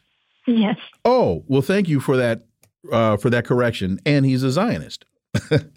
he sought to cast himself as a unifier and a voice for voters who are fed up with the U.S. partisan divides and vitriol, calling them a hurdle for improving the country. Uh, your thoughts, Margaret? First of all, understanding why he would run as a Democrat, but we know what the Democrat Party elite have done in terms of doing away with any primaries and well, not primaries, but well, yeah, and yeah, and, really. and doing doing away with the but the word I was looking for was the debates. So he really had no avenue to get his message out, and now he's running as an independent. Don't know where he'll go as such, but Dr. Margaret Flowers. Yeah, no, I think, you know, the Kennedys are lifelong Democrats, so I guess it made sense for him to begin in the Democratic Party. But I, as you said, you know, it's it's a dead end for anybody who challenges the establishment candidates because it's such a rigged system within the Democratic Party of who gets nominated. I think he realized that. But I think what may have really turned him was the recent polling re- results that showed that uh, you know, that he could actually have an impact on this election if he ran outside of the Democratic Party, uh, he could be quote unquote a spoiler, which I think he's embracing that. I think it's an interesting time. You know, as we see people coming up and challenging the Democrats and Republicans, we're kind of in this era where we're seeing the end results of lesser evilism voting where people vote for the lesser evil. They're not voting for something, they're voting against what they don't want, has driven this race to the bottom in the quality of the candidates. And, you know, we have two political parties that continue to fail and fail and fail the people. And so now you're starting to see, I think, more energy around, uh, you know, trying to develop an independent challenge to that. Um, we can talk about a lot of reasons why that you know, may not be fruitful in the end for them. I think Kennedy may be fooling himself a little bit to think that he actually has a shot at winning this. I think he does have a shot at perhaps impacting the, the outcome of the election. And you know, what we're looking at is to me, when I look at this country, the political instability. You look at what's happening with, okay, you've got Donald Trump. He's got a million charges against him. He's going to be going to court at the same time he's supposed to run. There's a lot of people that have serious issues who don't even like Donald Trump, but have issues with that process. You got Joe Biden. The party has to do everything they can just to keep him standing up straight, much less to get him to run. You got Cornel West. He's in he's the People's Party. He's the Green Party. There's issues now. He's independent. Now he's at the birthday party. Yeah, so, there we go. But to, but to me, it reflects a country that is politically unstable. Your thoughts? Oh no, absolutely. I, I agree with you 100. percent And this is the you know the fact that that we live in a plutocracy. We don't live in a democracy. We don't have a system where people actually have a voice in the policies. Otherwise, we would see much different policies because, you know, where the public is in terms of what they want to see coming from government. And we saw a little bit of that early in the pandemic when people were actually given more access to health care and, and, you know, direct payments to them, you know protections against evictions and greater worker protections. Um, you know, we saw a little bit of a taste of that, and then that was taken away. And It was taken away by the Biden administration primarily, which is very interesting. Um, you know, people are people are hurting, and they are, I think, more and more waking up to the fact that this system doesn't represent us. And there's just, you know, and there's so many as you mentioned, destabilizing factors going on right now. It's a very uh, unpredictable period, I think. So Kennedy decides to leave the Democrat Party, run as an independent. That means right now he's not on any ballots anywhere because uh, last I, I think the Green Party was on 20 in 20 states and they were expecting to get up to I think what they got up to before 44 47. So he's he, he's he's running outside. He's not on any on any uh, ballots, but polling shows he can impact the outcome. And according to this Reuters story, his super PAC has raised 17 million, an increase from about 10 million reported in July, and they expect another 10 million after this announcement from yesterday. So is he now using leverage? And what I mean by that is if you go back to 88 and Reverend Jackson, when he ran, he negotiated his removal for uh, his his uh, leaving the election proportional represent proportional distribution of delegates. That was the condition that he used. That was the concession that he wanted from the from the party, which is what got Barack Obama eventually elected as president proportional distribution of electors. Is this a move by Robert Kennedy to extract concessions from the party later on down the road? Yeah, that, that's definitely a possibility. I haven't figured out what in his mind, you know, he thinks that he's doing. He says he wants to run uh, to the end, and uh, you know, certainly that did, does give you some power. I know, you know, from from inside information that you know when Ralph Nader ran in 2004 after getting 2 million votes in 2000 as a Green Party candidate and then ran as an independent that there were a lot of efforts to try to get him to uh, to back out and not run in that race. I'm sure there'll be a, you know a lot of that going on as well particularly as as RFK, you know, if he continues to grow in the polls and, and grow. But, uh, you know, I think he's going to run into the reality of our system, which is that you may have a lot of money to get ballot access. You may get petitions, you know, people out mm-hmm. there gathering petitions to get access, but then you're going to go through all these sorts of legal challenges. And when, when Nader ran in 2004, the Democrats and the Republicans worked together to push him off the ballot, to challenge his ballot status in key states. And in fact, you know, went after him, went after his personal bank account, uh, you know, after that time. That was an incredibly difficult time for him. And then you brought up the debates. That we don't have a public debate commission. We have a private mm-hmm. corporation run, you know, owned by the Democrats and Republicans that, that can completely, you know, uh, not include him in the in the debates. And then I think another issue with RFK that I have is that he's a person who's kind of a personality who stood up there and, and I'm going to run for president. He doesn't come from, I think, a solid base of, you know, movement support or popular support. It's more of this kind of like figurehead politics that in the long run, I think is, is, is not going to be a success. What does it mean to you that the Republicans are complaining about Kennedy? They're afraid that he will take candidates from them, and the Democrats are afraid of the same thing.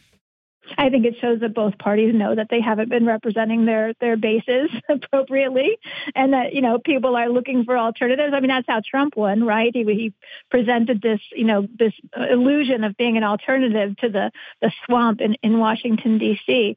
And I think you know I think it's interesting that uh, he is getting a lot of support uh, from Republicans, and and here's another thing about Kennedy that I was just reading he's seeking the support of Elon Musk. Elon Musk, whose corporation Tesla is, you know, is being charged from here to there with, uh, with, you know, being a racist corporation, uh, treating its its workers, its, particularly its black workers, terribly. And he, this is person that he's trying to seek support from. Um, for people that think that he's some sort of independent challenge to the system, I think they have to really rethink that. Two stories I'd like to put together. One, Americans are losing their spending power, right? The number of households reporting tumbling income is, growing. That's reported by Bloomberg. And here's another one I got to add to it. President Biden is considering asking for a hundred billion dollars for ostensibly for Ukraine. We know it really goes to Lockheed Martin. Put put those two together and make some sense of that, Margaret. I mean, that's been the, the situation throughout this Ukraine conflict and, and the U.S. just sending billions of dollars. I think now we've sent a total of $113 billion. And I think when we had the fires in Maui and, and folks there saw, uh, you know, all this money going to Ukraine and then they've been completely devastated. And what do they get? Like $700 each? that's nothing, you know, to help them out. Um, yeah, I, I also saw most recently, just before this, that uh, Biden is looking because you know, of course, they had to strip funding for Ukraine out of the the bill they just passed to try to prevent the government shut, shutdown because the Republicans are more and more opposed to sending money to Ukraine. It looks like Biden may be considering tying support for Israel to support for Ukraine to try to get around that and, and get the money going to him. But but to your point, yeah, you know, people's incomes are down, inflation is up, people are struggling uh, to make ends meet. I think the Census Bureau found that about 70% of people in the U.S. were struggling to meet their basic needs each week. Um, this is just a slap in the face in the face to people that more and more this money is going to Ukraine while we have such dire needs here.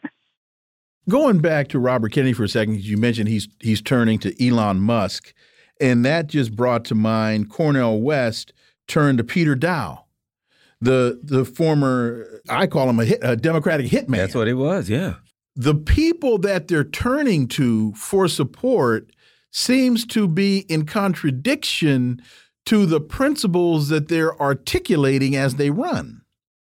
Yeah, I think in terms of, of Cornel West, it just turns to the paucity of you know, talent out there uh, that's willing to actually assist an independent run. There just aren't that many people outside of the Democratic and Republican parties that have the ability to manage a national campaign like this. And and I, I do think it was a mistake. I don't know how much Peter was responsible for uh, Cornel turning away from the Green Party. Uh, but yeah, it, it's it's just a very dire situation here in the U.S. for independent politics. Some of my sources tell me that he that he was definitely in the conversations and definitely in the ear of Dr. West and his wife. Um, that he that he played uh, as a campaign manager. That that that he played the role of campaign manager, and that this didn't happen by accident. Well, lastly, and this is uh, all related, U.S. and neoliberal death spiral, and uh, Richard Eskow, and he, what he talks about, a big part of it, he talks about people are not just the money, people are dying earlier, and Medicare for all is a big part of it. Margaret. Yeah, I mean, Medicare for all is a big part of the article Richard Eskow wrote about, you know, why we, we how we could have a healthcare system that actually prevented this. Um, you know, as a uh, as a wealthy nation, the health outcomes in the United States always end up at the bottom when compared to other wealthy nations. And I think it's just criminal right now that what we're seeing is among our working population, people below the age of Medicare, because when you get to 65 and you get into Medicare, you're in traditional Medicare, you get health care, right? Uh, but before that, you know, working people were seeing all sorts of chronic illnesses um, leading to early deaths, preventable deaths in the United States. And it really ties into our for profit healthcare system where if you don't have the money, you, you struggle to get the care. And even if you have private health insurance in this country, if you have a significant accident or illness, you can go into financial ruin. We see the, the number one cause of personal bankruptcy is medical illness in the United States. Um, it, our, our life expectancy has been declining, uh, but looking at now the, the you know who it is that's dying, uh, it, it's just really um, you know it, it makes the fight for Medicare for all mm-hmm as it always has been. It, it, mm -hmm. It's it's not just an economic fight; it's a moral fight. Dr. Margaret Flowers, as always, thank you so much for your time. Greatly, greatly appreciate that analysis, and we look forward to having you back. Thank you. Folks, you're listening to the Critical Hour on Radio Sputnik. I'm Wilmer Leon. I'm joined here by my co host, Garland Nixon. There's more on the other side. Stay tuned.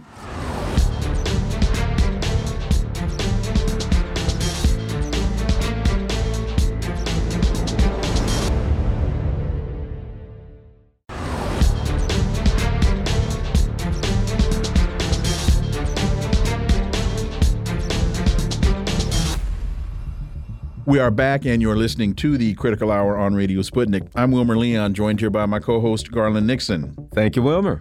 Consortium News has a piece by Caitlin Johnstone Journalism Itself Locked Up in Belmarsh. It's not just a man who is imprisoned for the crime of good journalism, but also the idea that anyone should be permitted to expose the criminality of the world's most powerful and tyrannical people, writes Caitlin Johnstone. For into this, let's turn to our next guest. She's a political commentator and podcast host, Misty Winston. As always, always, welcome back. Thank you so much for having me. So, Caitlin continues as the 17th anniversary of the creation of WikiLeaks passes us by. It's probably worth taking a moment to reflect on Julian Assange and what his uh, persecution means for us and our society. Uh, your thoughts, Misty Winston. Journalism is locked up in Belmarsh Prison. Yeah, for sure. There's really no question about it. And Caitlin is brilliant, by the way. I mean, mm-hmm. we should give her all the credit in the world. I love almost everything that she does. Uh, and she's absolutely right here. And uh, this is something that the Assange movement has been talking about for years now that this is, they've done a very good job. And by they, I mean the people uh, in power, the empire, whatever you want to call them, the deep state, the permanent state, whatever you want to call them. They have done a very good job at focusing the conversation surrounding Assange on Assange, on the person. Uh, and what they are not talking about and what many people are um, unaware of of or maybe just uh, they, they haven't really uh, uh taken this in that this is it's so much bigger than Assange. It really is the future of press freedom and of free speech, uh, and so that makes it really so much bigger than I think anybody's really even. I mean, not anybody. Obviously, there are some people like yourselves, like myself, like people who are you know on the ground fighting this fight. I think that there are people who understand the implications here, uh, but this really is so much bigger than just Assange. It really is the future of global press freedom, which is big. That's a bit very big concept to wrap your head around, but that really is what we're facing here. Well, you know, uh, to to to um, cement your point, I was uh, a couple weeks back of talking to some people, in, in, in, several people in a room about Assange, and they were saying, "Oh, he's guilty," blah blah blah. And I asked them, "Well, what is it that he was charged with?" Nobody really knew. They all said, "Oh, it was something to do with uh, uh, the the 2016 and Trump and the Russians." Blah blah blah. I said, uh, "No." It had to do with and when i explained you know revealing uh, they were all kind of like surprised. They didn't nobody really knew how to react because they were following what they were told in the media. Oh he's done terrible things. And when i told them what it was you could tell they didn't want to come out and say, "Oh, well, that changes everything," but there was a, a let's just say an eerie quietness there. Well, it should change everything. I mean, and you're absolutely right. In my experience, uh, and I've been an activist for Assange, for press freedom for years now. Uh, and in my experience, that is a very common thing. When you bring up the subject of Assange, when you bring up his persecution, if you bring up the fact that he's imprisoned, many people, many, many, many, many, many people be like, oh, who cares? That guy helped Trump get elected. Or, oh, who cares? That guy's a Russian agent. He, uh, you know, revealed uh, Hillary Clinton's emails in 2016 or whatever. And it, frankly, that's, again, another great misdirection by those people in positions of power um, who have done a great job of uh, obfuscating what this is actually about. And it has nothing to do with 2016. It has to do with the uh, revelations that exposed war crimes in 2010 and 2011, the Iraq and Afghanistan war logs, the Guantanamo files. Uh, that is what he is being persecuted for. So this is not has nothing to do with 2016. That's completely irrelevant, as is uh, his personality and what you think of him personally. It's completely irrelevant. Uh, what this really boils down to is do journalists have the right to do journalism? And I think that that's really, it should be a very easy question to answer. And yet here we are all these years later still fighting this fight. And Garland, what you ran up against in that room with the people you were talking to was not the validity of Julian Assange.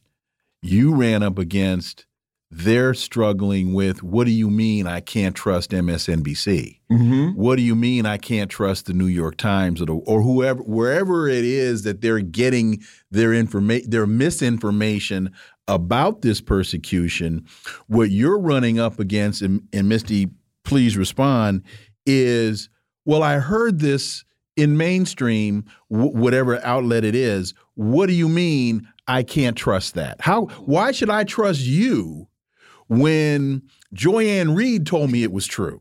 Yeah, oh, Joy-Ann Reid. Yeah, that's a great point. and I think that that is it's really difficult for people, and I think it speaks to the absolute, I guess, not failure because the mainstream media is um, behaving in the exact way that it is intended to behave. It is uh, the propaganda arm of the government, and so I think that the, to say that it's failing is inaccurate, but I think that that's really the only word that I have for it is it's failing to do the job that it is supposed to do, and that is informing the public, and it, it, it is so apparent in the situation regarding Assange. I mean, we have over a decade now, 13 years, 14 years now, where they have been lying to people about who Julian Assange is, what WikiLeaks does, what he's in prison for, all of that stuff. And so there has been so much misinformation that it has really convoluted the conversation. It has really made it difficult uh, for people to even begin to comprehend what this is even about. As you know, Garland said, a lot of people don't even know what it's about. Uh, and then when you do have people who understand what it's about, oh well, then he's oh he's a terrible guy or he's a jerk or he's this or he's that. There's all of these other things that they have been fed through the media. He put U.S. Irrelevant. troops at risk. He's the rapist. Oh, I've yeah, heard that one yeah, too. Yeah. Oh, yeah. Both of those things have been thoroughly debunked. Thoroughly. I mean, the he put the United States government has admitted in court on numerous occasions that they cannot find a single person that has been put in harm's way by uh, WikiLeaks releases. And the rape allegations in Sweden that has been thoroughly debunked by Professor Nils Melzer, who was the former UN Special Rapporteur on torture, who did an extensive investigation, who speaks fluent Swedish, who was able to examine the uh, uh, the primary documentation in that uh, situation, and that has been thoroughly debunked. Both of those situations are thoroughly debunked and have been for some time, and yet those are still things that people very widely believe because the mainstream media has done absolutely nothing uh, to to combat or to correct those uh, uh, those inaccurate depictions of who Julian Assange is and what WikiLeaks does. And here's what I think is, I would argue, the most important um, sentence in, in Caitlin Johnstone's article, which you can find at consortiumnews.com. I highly recommend uh, that outlet. It is about setting a legal precedent that will allow the U.S. empire to extradite anyone anywhere in the world who reveals inconvenient facts about it. And and I just think of the discussion they have, I believe, in Ireland or Scotland, I forgot whichever court it was, about separating the types of journalists. So there's mainstream media journalists, but they what they want to do is separate people like us, alternative media, YouTube, Rokfin, whatever the case may be, and say, well, those people don't have the same journalistic integrity, so we can just take them out. But not just that. The United States can reach anywhere and say, you're in another country, we don't like what you said, you violated our rules, and go grab them. Your thoughts? Yeah. It's ter- that is terrifying, and I think, and I, there's a sentence that I like to say that I think, and it's very similar to what you just read from Caitlin Johnstone. The United States is seeking global jurisdiction over information and journalism. If that sentence does not terrify you, you're not paying attention because that is exactly what they. And as you just said, uh, uh, you know, they they get to define what a journalist is. They get to define what journalism is. They get to make they all of the rules here. And so, if you are a blogger, if you have a YouTube channel, a Rokfin channel, if you write a tweet, if you publish a tweet, this could potentially come for you as well. And it is, uh, uh, this is global. I mean, Julian Assange is not an American citizen. He's Australian. He's never been an American citizen. He's never lived in the United States. Uh, WikiLeaks has never been a United States based publication. He is a foreign journalist being charged by the United States under our laws while being afforded none of the protections of such. Uh, we're charging him under our Espionage Act, which is fascinating to me, given the fact that he is not an American citizen. How he can be guilty of espionage is a fascinating concept to me. Uh, but we're also affording him none of the protections of the First Amendment. So it is it is a crazy idea that this is even something that is being considered. And yet again, here we are, all these years later, Julian Assange is still fighting for his life. Your position on, on the Assange case is therefore your position on what kind of society we should hope to live in and what kind of future we should hope to have. In a very real way, it's your position on humanity itself. Misty Winston. Yeah. I mean, and again, Caitlin is so brilliant at putting the things that I'm thinking in my head into words in a way that I'm not capable of doing. She's very gifted with the English language. And it really is, to me, and I realize I'm biased here, but to me, this is a great litmus test for where you're going to stand on any given issue. Because I think that uh, if you cannot stand on principle for the future of press freedom and free speech, that is exactly what is at stake here, then I can't trust you on literally anything. I can't trust you to hold the, the proper position or the correct position on anything. This is, in my opinion, uh, and again, I realize I'm biased, so you can agree or disagree, but in my opinion, this is the fight of our times. To me, this is the the front line for everything else that we're doing. It doesn't matter if you care about ending war or the environment or education. You cannot fight for it effectively if you can't even speak, if you can't enter into dialogue, if you can't have debate, if you can't educate yourself and others. And that is very much what's at stake here. So to me, uh, if you can't get this issue right, then I can't trust you on anything else. Another important article United uh, in the States, Assange family pins hopes on Albany's Biden meeting. Your thoughts on the, um, the leader of uh, Australia coming to meet with President Biden, and will there be any, any positive outcomes? Well, I'm very skeptical of Anthony Albanese. He has been less than stellar so far since he has taken office. Obviously, when he was running for office, he was all about it. You know, enough is enough. We're going to free Julian Assange. The minute he took office, he suddenly went very silent, and he has done uh, little to nothing uh, uh, since that time. And so uh, he is coming to the United States here in just a couple of weeks uh, at the end of October to meet with Joe Biden. I, I mean, I don't mean to dash the hopes of the Assange family. Obviously, I hope very much too that that will be an impactful meeting that will benefit Julian Assange. I'm just very cynical about the reality of that situation. I think that Albanese has been very lackluster. He has been very weak-willed on this, uh, but very much so publicly. He claims to be speaking to people in the United States government behind the scenes. I doubt that very much.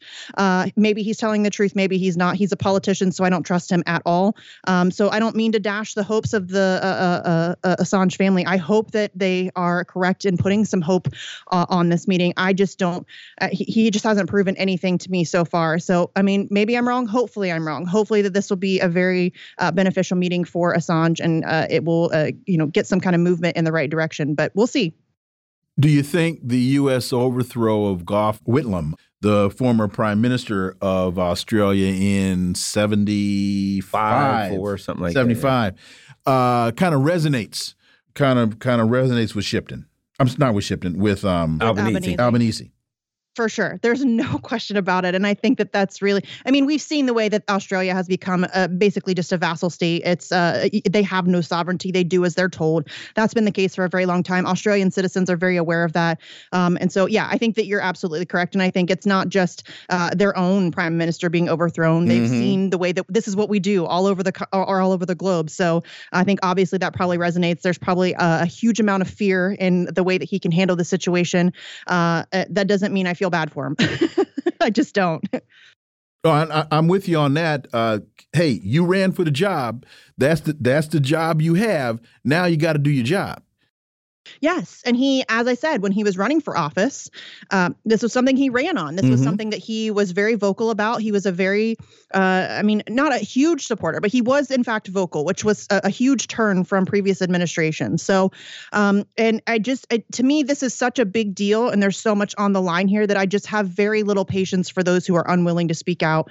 Uh, this is not a time to be silent. It's not a time to be scared. It's not a time to be weak. Uh, we need somebody with the courage to stand up to the United States empire and say, this is is wrong. We're not going to allow this to happen. I think if he were to do that, I think the global community at large would stand with him. Uh, we've seen so many people, so many, we, just at the UN Assembly there was at least three or four different world leaders who spoke out very loudly and passionately in defense of Julian Assange. Uh, you know, we've seen Lula, we've seen AMLO, we've seen numerous people from across the globe in position, high positions of government. Clare Daly and Mick Wallace in Ireland. I mean, there are numerous people across the globe who stand in defense of Julian Assange and who recognize how uh, how monumental and how um, uh, a precedent setting this really is. And so I think that if Albanese had the courage to make that stand, I think people would stand with him. And we've also seen Joe Biden stand next to Olaf Scholz and say, You will not turn up your Nord Stream pipeline. And then the U.S. blows it up. So uh, we will see. Misty Winston, as always, thank you so much for your time. Greatly, greatly appreciate that analysis. We look forward to having you back. Anytime. I always enjoy coming on with you. Folks, you've been listening to the Critical Hour here on Radio Sputnik. Thank you for allowing our voices into your space on behalf of myself and my co host, Garland Nixon. We hope you were informed and enlightened, and we look forward to talking with you all right here tomorrow on Radio Sputnik. Be safe. Peace and blessings. We're out.